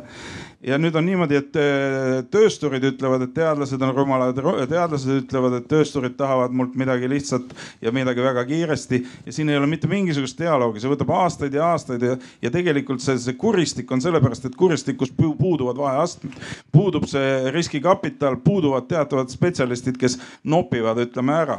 väga hea näide on näiteks Weizmanni instituut Iisraelis, kus on see süsteem kõik üles pandud, seal on täiesti pea, baseeruv uudishimuul teadus, aga aga seal on ka eh, Weizmanni instituudi sõbrad, mis on suur tööstusassotsiatsioon ja nad kogu aeg vaatavad, et kust võtta patent. aga teadlast ei segata, tööstur ei sega teadust oma igasuguste nõudmiste ja plaanidega ja hullude leiutise ideedega, vaid teadlane saab lihtsalt kogu aeg uurida. ja aga meil puudub selline süsteem, meil on nagu ühelt poolt tööstur, teiselt poolt teadlane ja ega ja Soomes on muide täpselt sama jama. et sellepärast ma arvan, et sellest ei ole midagi tulnud jah, Hendrik tahab ka täiendada. ja et äh, minule teadaolevalt äh, siin mõned need Skandinaavia kontsernid on ikkagi äh, need mõned pakenditooted valmis teinud, mis on lamineeritud siis selle nanotselluloosi kihiga, et anda neile vastupidavust toiduainetele, on nii kalapakendeid, kohvitopse kui muid. Nende erinevus siis ongi see, et kui traditsiooniline kohvitops, mis me täna kätte võtame, ta küll näeb papist välja, aga seal on see veekindlust andev kilekiht on naftapõhine. et siis uutel on see sellesama nanotselluloosi põhine ja minu arust, kui ma nüüd õigesti mäletan, siis siis Eestis äh, üks äh, Saaremaa piimatööstus võttis sihukese piimapaki kasutusele, mis on äh, sellesama sisemise kattega. ma olen üritanud seda infot siin Eesti toiduainetootjate seas levitada, aga, aga selge on, et see on täna kallima hinnaga pakend, et see on noh, sobib premium tootele või, või sobib teatud kohtadesse, et, et täna loodame, et aeg toob selle hinna alla ja, ja tehnoloogiad efektiivistuvad. veel küsimusi? ahah, sinnapoole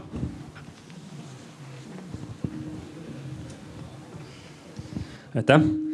Esimene on kommentaar lihtsalt, äh, töötan e-agronoomis äh, sadade Eesti teraviljatootjatega ja meie kõige rikkamad äh, kliendid on tegelikult need, kes on nutikad kliendid, kes jälgivadki viljavaheldust ja, ja saavutavad siis paremaid tulemusi mitte just läbi kemikaalide, vaid kasutades loodust ja CO2 või süsiniku teemal tähendab, äh, on teinud ka osad põllumehed meil arvutusi, et nad tegelikult seovad aastas äh, süsinikku kuskil üks tonn hektarile, et, et ka põllumajandus saab olla jätkusuutlikult siis ka nii majanduslikult samal ajal olles keskkonnaga, keskkonna suhtes nagu jätkusuutlik. Aga teine on küsimus siis erinevatele osapooltele siin, et äh, ühtepidi ma näen, et meil on äh, väga tark äh, professor siin, äh, kes ütleb, et ka meil on kuuekümnendatest siin mikrobiolooge, molekulaarbiolooge haritud, kasvatatud. aga teistpidi meil tegelikult mulle tundub, kas te saate seda kommenteerida ka, et mulle tundub, et Eestis puudub nagu tõsine rahastus mulla ja metsateadusele mis on meie elu, mis on meie riigi nagu rikkus ja alus. Et riik ei rahasta tegelikult seda, mis on äh, äh, meie kõige alus. et kas see on nagu tõsi, kuidas selle poolega läheb, kuidas kasvatada üldse inimesi, kes on siis eksperdid, kes saaksid neid uusi innovaatilisi tehnoloogiaid ettevõtetesse viia et see on ühele poole küsimus, et kuidas jõuda sinna, et meil on hulk inimesi, kes tegelikult oskab ka seda tehnoloogiat kasutada. ja teiseks, äh, mida siis äh, tööstuse pool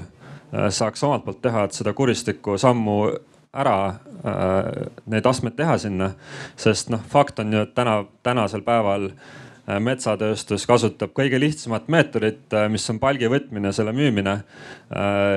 sest see on kõige lihtsam, aga nagu seda väärindust on vähem. et kuidas, mida saab metsatööstus ise teha, et jõuda äh, suurema väärindamiseni? Ma võib-olla selle esimesele küsimusele vastan põgusalt ise ka, et äh, selle riikliku rahastamise osas, et äh, see ressursside väärindamise programm,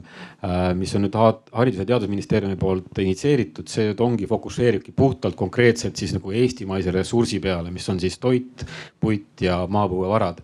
Ja konkreetselt ainult nüüd nende tehnoloogiate arendamise peale, mis siis potentsiaalselt aitaksid luua kõrgema lisandväärtusega tooteid siis tulevikus. Äh, samuti, äh, et see teadmine, see oskus ja inimkapital ka selles vallas kasvaks, et,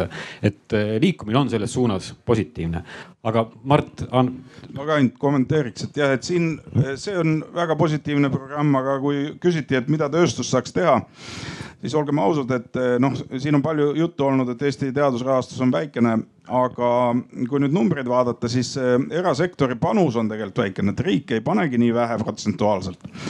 ja nüüd peavad eh, nagu töösturid endale nagu otsa vaatama, et, et milles siis asi, et Eesti tööstus võiks. Eh, no Eesti tööstus on nii vaene, et eh, meil ei ole, ütleme, kui Lääne-Euroopas oleks mõni suur keemiatööstus, ta oleks annetanud ülikoolile mitme suure instituudi jagu raha, et ehitage. aga meil on tööstus vaene ja näiteks Tartu Ülikoolis me nüüd ühe Euroopa projekti, Horisondi projekti raames loome sellise,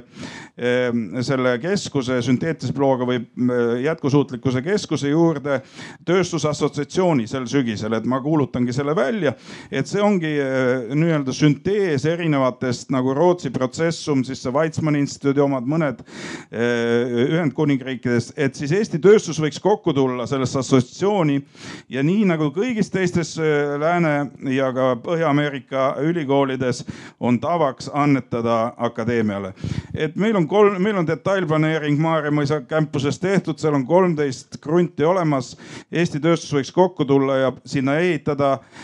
puidutöötluse, kõigi põllumajanduse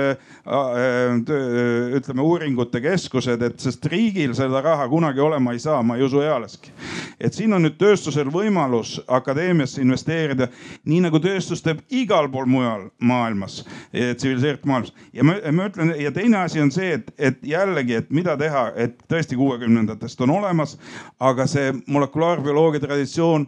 olgem ausad, on suremas, see on hävitatud madala, madala äh, finantseeritavusega. pluss siia on vaja just neid samu mullateadlasi, metsateadlasi, et, et oleks esindatud kõik tasemed. uudishimuteadus, rakendusteadus ja otsetootearendus, et tegelikult meil on, on igat ühte natuke võib-olla ja mõni on välja suremas. ja nüüd on pall suurtööstuse väravas. palun tulge investeerige siia paarsada miljonit, ehitage instituudid nii nagu ehitatud on kõikidesse maailma tippülikoolides keskusse eh, poolt no Hendrik, mis sa, mis sa arvad sellest, kuidas oleks puidu ja metsatööstuse poole pealt eh, investeerida Maarjamuise campusesse? ja äh, kindlasti suur väljakutse sellist äh, konsensust äh, väga paljude ettevõtjate vahel luua. teatavasti Eestis ikka kaevab naaber kraavi teise naabri kraaviga kõrvuti, mitte kahasse. aga võib-olla siin käis hästi palju teemast läbi, ma prooviks mõndadele nendest natuke ka vastata, et üks oli ettevõtete investeeringud, teadus-arendusinvesteeringute statistika, et tegelikult me oleme liidus sellega natukene tegelenud ja vaadanud. ja, ja meie vähemasti tööstusettevõtete seisukoht, et see on tugevalt alahinnatud ja, ja miks see on tugevalt alahinnatud, on see, et äh, Eesti äh, maksusüsteem ei äh, soosi sellisel viisil nagu välismaal innovatsioonitegevust ja sellisel, selle tõttu ettevõtted lihtsalt kirjutavad need tihti kuskile tavalistele kuluridadele. statistikaameti aruannete üle saab hoopis nalja teha, millised need on, et kui sa hakkad seda innovatsiooni statistikaameti aruannet täitma, ei saa hakkama, helistad siis statistikaametisse, siis soovitatakse, no aga pane siis kõik nullid. no ja siis pandigi kõik nullid. ehk siis, et noh, välismaal, eks ole, maksusüsteem soodustab seda, et, et kõik, mis vähegi võimalik, panin uue šlaggbaumi omale teistsuguse, eks ole, et noh, see on ka innovatsioon. et, et mõneti see statistika ei ole nagu selles mõttes, ma arvan, väga tõene. aga mida tööstus saaks teha? Ehm, ma arvan, et mugav vastus oleks, et meil on lihtsalt sihuke arenguetapp praegu, mistõttu me oleme nii, noh, ei ole veel olnud võimelised sellist nii-öelda teadust, innovatsiooni tööstusettevõtetena vedama. võib-olla praktilisem või realistlikum vastus oleks see, et ettevõtlussektor on ju ka, koosneb inimestest ja, ja inimesed on erinevate isikuomadustega. ettevõtlussektoris me nii-öelda eristame ka innovaatoreid, eestvedajaid, eks ole. nii-öelda konservatiivseid ja järelsörkijaid sisuliselt, eks ole. Ja Eesti suhteliselt pisikese majanduse struktuuri juures lihtsalt neid innovaatoreid, eestvedajaid nagu arvuna on vähe ja, ja eriti veel neid, kellel lisaks sellele soovile innovatsiooni vedada ka nagu neid rahalisi võimalusi oleks, on vähe. aga jah, noh välja toodud Graanul Biotech on hea näide. teine võib-olla hea näide, mis on, on Estonian Celli tehtud ühereaktoriline biogaasijaam, mis toodab viis miljonit kuupmeetrit aastas. tegelikult esma, esmane maailmas. Eestis on tegelikult noh, neid näiteid tegelikult on Eestis, kus tehakse teadusega koostööd. Termopuidutootjad on meil täielik maailma tipp, eks ole. et siis ehituses ristkihtlimpuidu kasutust uuritakse, materjali arendatakse, et, et seda tehakse. aga, aga jah, et ma arvan, et meie ettevõtted oma suuruse tõttu on veel natuke praktilisemad ja, ja natukene vähem võimekad, et ja, ja samuti nagu ma ütlesin, suuresti mehaanilise poolele kaldu, et kõik see keemia pool on meil lihtsalt paraku esindamata et kui tohib, ma lisan siia juurde, et äh, ma arvan, see bioringmajanduse temaatika iseenesest äh, algab peale sellest, et me hakkame koolides ja ülikoolides sellest rohkem rääkima. me tõenäoliselt ei ole sellega väga palju tegelenud, et äh, mida rohkem me räägime, mida rohkem me räägime nendest äh,, nendest seostest, et igasuguse selle nii-öelda väärtuse loomine algab ju sellest, et, et mida rohkem me liigume lisandväärtuse ahelas edasi, seda enam meil tegelikult tuleb ka investeerida, meil on vaja uusi tehnoloogiaid, eks ju, ja siis tekivad sümbioosid, tekivad distsiplinaarsused erinevate eh, valdkondade vahel, et seda sellist interdistsiplinaarsust ja, ja nii-öelda ka mm, erinevate valdkondade sidusust eh, kindlasti on selles biomajanduses vaja rohkem. nii et, et ma võin öelda, et täna kindlasti Maaülikoolis me oleme liikunud selles suunas, et, et meil on olemas biomajanduse mõttes eraldi sellised ained ka magistriõppekava mõttes. mida enam me selliste teemadega räägime või räägime ülikoolides, seda enam ma arvan, tekib ka sellist soovi ja tahtmist ja see lõpuks kandub edasi ka ettevõtlussektorisse, nii et, et ma oleksin äh, pisut optimistlikum juba. No tegelikult toidusektor on ikka päris äh, progressiivne, et siin ma küll ei, ei saa midagi ette heita, et et äh, muidugi on meie käsi ka siin mängus, et meil ikkagi sada tublit teadlast teevad nende heaks iga päev tööd ja mitte ainult nende heaks, vaid ka suurte rahvusvaheliste kontsernide heaks, sest kuskilt peab ikkagi lõpuks palgaraha ka tulema ja seda tuleb meil ekspordist paraku. aga Eesti toidu, toidusektor tänu sellele, et me teeme rahvusvaheliste suurte ettevõtetega tööd, saavad kasutada neid teadmisi, mis me sealt saame ja kõik need eh, taimse toidu eh, temaatika. meil on eh, loodud taimse valgu klaster, kus on mitmed suured toidutööstused, põllumehed, erinevad grupid on seal esindatud ja põllumehed on väga otse meile öelnud, et tegelikult öelge, mida me peame kasvatama ja me kasvatame neid asju ja meie suund suundumus ongi praegu äh, kaer, hernes, kaunviljad, nende valkude ekstraheerimine, nende valkude kasutamine äh, ja väärindamine. see on, see on see trend äh, mis, mis meid pikas plaanis edasi viib. ühtlasi on see jälle see, see suund, millest ma eelnevalt ka rääkisin, et väga suur põllumaa osa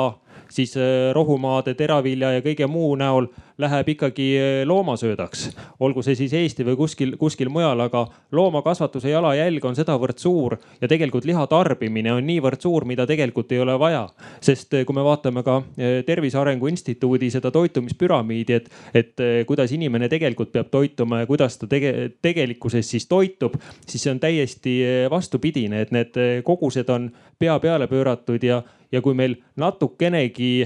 Äh, natukenegi saame kokku hoida oma kõhu kõrvalt, et ei söö liha nii palju, oleme me teinud juba väga suure teene emakesele loodusele. et äh, nendes, nendes suundades me kõik liigume ja sünteetiline bioloogia, kogu see, see pool on meil domineeriv. nii et need arengusuunad, me oleme maailma absoluutses tipus ja kui me läheme nende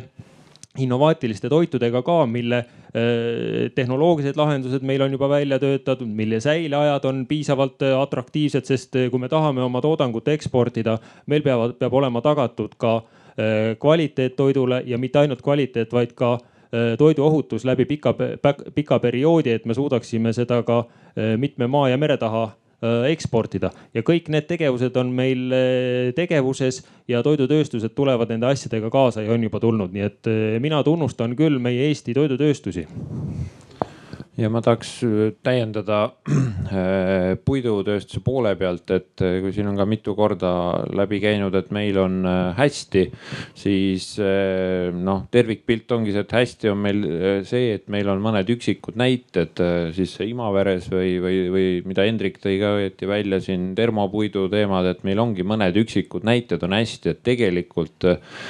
Eestis sihiteadlikult metsa või puidutööstuse tööstust eh, innovatiivse ja nutika poole ja, ja, ja mõistliku ressursikasutuse poole suunamisega ja rahastamisega ei ole mitte keegi tegelenud, see ei olegi ühegi asutuse, ühegi riigiasutuse pädevuses ja, ja, ja noh, pigem isegi vastupidi, kuna metsapoliitika on, on raiemeetmeid lõdvendanud ja seda too, tooraine kättesaadavus on üha parem ja, ja, ja üha noh soodsa hinnaga suures koguses, siis ka see noh, ei, ei, ei motiveeriks, mitte et sellest üksi piisaks, aga, aga et see on tegelikult see, see seis, kus me oleme, oleme ja, ja kust on väga-väga pikki samme edasi astuda, nii et selles mõttes oli, oli küsijal väga täpsesse kohta sihitud ma võtaksin võib-olla ühe küsimuse veel, kui on, ühe kiire küsimuse, et, et ka meil aeg surub ka peale.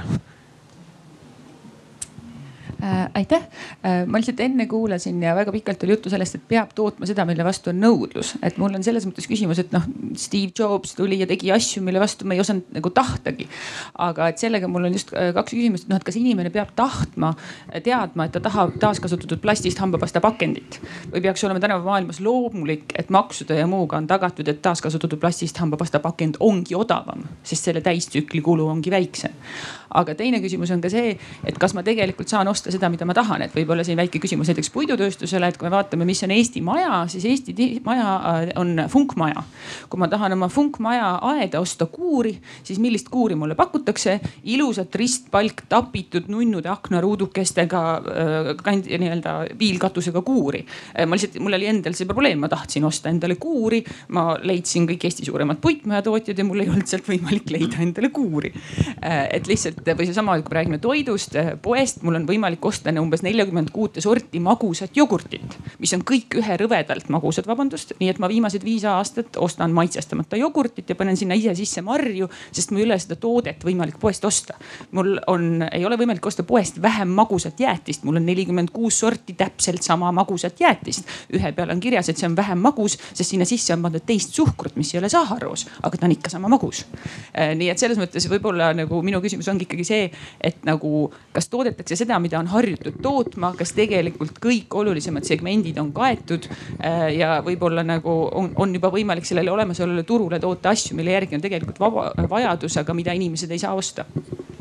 ma alustaks võib-olla jah sellest, et äh, tegelikult minu algne sõnastus oli, et mitte toota mitte seda, mille järgi on nõudlus, vaid just nimeltki seda, mille järgi on vajadus. ja need ei ole tihti üks ja seesama. aga, ja mille järgi see vajadus, noh, mis, mis on tegelikult meile olulised, et me võime igast pudi toodame kogu aeg, mida ühiskonnas meil, meil absoluutselt ei ole vaja. ja vaatad poes nukker on nagu, et milleks, eks ole. et äh, alustame sellest, et teeme keskkonnasõbralikud tootmisviisid nendele asjadele, mida meil on kõige rohkem vaja, eks ole, peavari, soe tuba, toit laual, riided seljas põhiasjad, teeme need ilusaks keskkonnasõbralikuks, sest et muud asjad me võime ka lihtsalt ära jätta. meil ei ole tegelikult vaja neid. ja e, puidutööstuse osas veel, et noh mm, siin varasem kommentaar oli ka tegelikult hästi õige, miks, miks on meile väga suur väljakutse meie sektorile on, et me kukume riigihalduse mõttes hästi mitme ministeeriumi ja haldusala vahele. ja tegelikult riigil puudub selline strateegiline huvi e, selle suuna arendamisel justkui, et kui me võrdleme oma üle Põhjanahe naabreid Soomet, seal on hästi tugev riiklik e, nii-öelda poliitiline üksmeel ja arendustöö selle sektori arendamiseks. meil see sisuliselt puudub ja, ja selle tulemus on see, et ettevõtted on ise ennast üles ehitanud ja oma rahadega ilma toetusteta suunanud endale mingile turule. üheksakümmend protsenti meie toodangust läheb ekspordist, selle tõttu selle, mida me toodame, suuresti dikteerib see sihtturg. Kesk-Euroopa, Saksamaa hoovides lihtsalt seda tüüpi kuure kahjuks tahetakse. Õnneks on, ma olen hästi nõus selle kriitikaga, sest ma ise tahaksin ka omale ilusat funkkuuri aga õnneks ma olen näinud, et, et näiteks Palmako on hakanud siin tegema kohalike disaineritega koostööd, et teha moodulaedasid ja, ja eks see kõik, see kõik muutub. mugav vastus on jällegi see, et, et arenguetapp on selline. praktilisem vastus oleks see, et loomulikult saab paremini eks ühelt poolt on kindlasti ka see, et, et, et tehakse ikkagi tooted nii-öelda keskmisele tarbijale, et, et seal lihtsalt see ostusegment on nagu suurem aga Rando tahtsid lisada? tahtsin just öelda seda, et täpselt, et kõik läheb peale ikka tarbijast, eks tarbija teadlikkus, me näeme, et tõuseb, eks ju, ja neid nii-öelda neid inimesi, kes väärtustavad loodust, keskkonda, ökoloogiat, eks ju laiemalt, et neid järjest suureneb ja tähendab, sellega kaasneb ka tegelikult nende toodete nõudlus, nii et, et, et mis selle mõte on see, et, et ka ettevõtjad peavad oma ärimudelit nii protsessi mõttes kui ka tegelikult nende väärtusahelas, kuidas nad liiguvad edasi, kuidas jõuavad lõpptootega selle tarbijani ja teiselt poolt ka tarbija vajaduse katmine, et need muutuvad ajas, nii et, et, et selles mõttes, et seal on jällegi see küsimus, et, et kui on olemas tarbija ja selline sihtgrupp, siis tõenäoliselt tulevad ka tooted, nii et tuleb rohkem häält teha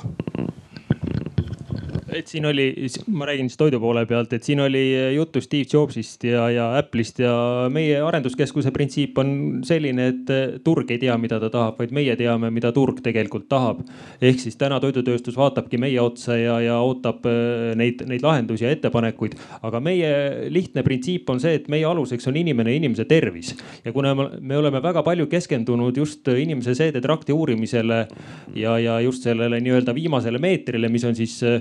jäme sool ja sealt edasi ja seal toimuvad protsessid, siis sellest äh, lähtuvalt paneme meie paika need äh, toidu, toidutehnoloogilised alused ja kõik, kõik muu sellega seonduva. ja sealt, sealt saab siis tegelikult kõik, kõik alguse, mida tegelikult on vaja inimesel, et, et elada toredat, tervet ja aktiivset elu jah, mina jõuaks sinna punkti tagasi, mida ma ka sissejuhatuses ütlesin ja kutsuks küll üles äh, sõna innovatsiooni ikkagi mõistmagi niimoodi, et, et selles Äh, by definition ongi juba sees äh, inimese tervis ja meie puhas keskkond, et, äh, et me noh, siin ka kaldume tegelikult erinevates sõnavõttus, sealhulgas ma ise ka vahepeal puhtalt kasumist ja, ja rahast rääkima, et, et noh, tulusid kuludest või vastupidi, kulusid tuludest lahutada oskab igaüks ja, ja selleks ei pea isegi kogu keskkooli matemaatikakursust läbi käima. aga, aga kui me räägime puhtast keskkonnast, laste tervisest, põhjaveest, siis, siis see ei ole mingisugune tuleviku jutt, et äh, üleeile oli looduskaitse saja kümnes aastapäeva konverents, kus ka Äh, Aveliina Helm tõi selle väga selgelt välja, et, et meie viimane riiklik seire näitab, et Eestis väga paljudes kohtades põhjavees on, äh, on pestitsiidid lubat-, ohtlikust piirist, lubatud piiridest selgelt juba kõrgemad. mis oli isegi sellises ringkonnas noh, inimestele täielik nagu üllatus või millegipärast me seda ei tea, et, et me, me lihtsalt istume siin ja arutame, et kas, kas me saame olla rahul sellise põlluga, eks ole, ja samal ajal noh, tegelikult me oleme juba seal, kus meil enam põhjavesi ei, ei kõlba juua ja siis me, siis me räägime, et, et mis on innovatsioon ja, ja mida, mida, mida, mida me sööme ja, ja kas me peaks midagi muutma või ootame, kui tarbija hakkab poes teistsuguseid valikuid tegema mm. -hmm. Ah, me võib-olla veel mõni minut on veel aega lõpuni, et äh, võtaks kokku see meie tänase arutelu, et äh, mullast kullaks äh, Eesti ressursid, mida me saame, mida me võiksime, mida me peaksime tegema, et, et meil läheks olukord ikkagi paremaks. võib-olla võtame siit äkki niimoodi igaüks ühe, kahe, ühe-kahe lausega, Hendrik alustab äkki jah, mis, mis me peame tegema, et läheks paremaks? no ma arvan, et esimese asjana me peame siis äh, loodetavasti, mida me oleme ka endale teinud, äh, teadvustama, et me tahame, et oleks parem. et äh, nagu siin äh, väga hea näide kõrvalistuja poolt toodi, et ärme võrdle ennast mitte Lätiga, vaid võrdleme ennast siis Hollandiga või võrdleme ennast maailma parimatega ja, ja esmalt loome üldse selle nii-öelda sisemise tahtmise sinna suunda liikuda. et ma arvan, et meie ühiskonnas on ka seda veel kõvasti võimalik arendada Avo, mis sa arvad? minu arvates on üks oluline asi inimeste enda sisemine tahe eh, olla terved ja teha kõik selleks, et eh, kogu ökosüsteem ja, ja kaaskodanikud oleksid terved. väga õige. Tarmo no ma pakuks siis välja, et mõtleme endale välja mõõdikud, et see poleks kindlasti raha, vaid pigem siis näiteks laste tervis ja, ja, ja puhas keskkond ja, ja, ja seda tüüpi mõõdikud. ja kindlasti ärme võrdle ennast ka, ka Hollandiga ega, ega, ega Soome või Rootsiga, et, et, et räägime sellest, et kuidas me siin, siin ja täna saaksime hakkama, sest Holland on jõudnud sinna, kust, kus ta on, aga, aga paraku elukeskkonna probleem on seal, seal palju suurem nagu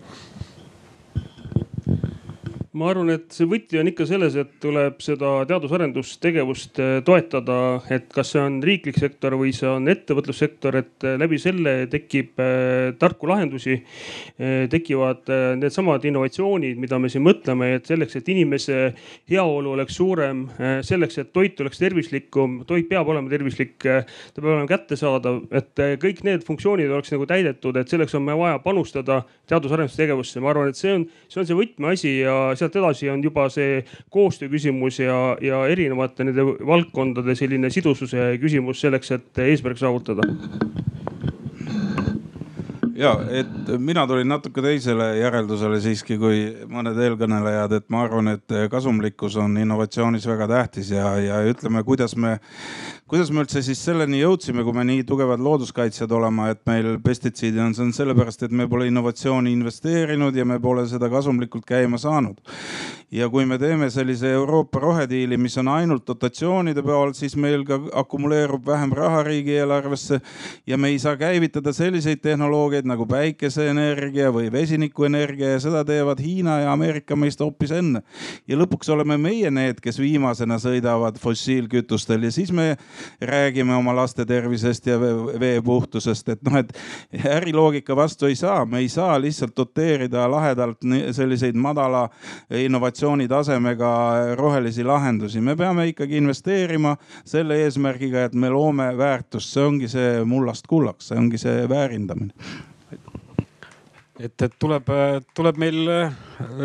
just tuleb, tuleb leida need targad lahendused ja nendesse investeerida. aga ma tänan, ma tänan meie paneeli esinejad, meie aeg on nüüd otsa saanud, ma tänan kuulajaid. et ikkagi leidsite aega siin olla, loodan, et, et mingi mõttetera ehk, ehk igaüks meist leidis siin. eks me peame neist asjadest rääkima täna, homme ja ka ülehomme ja,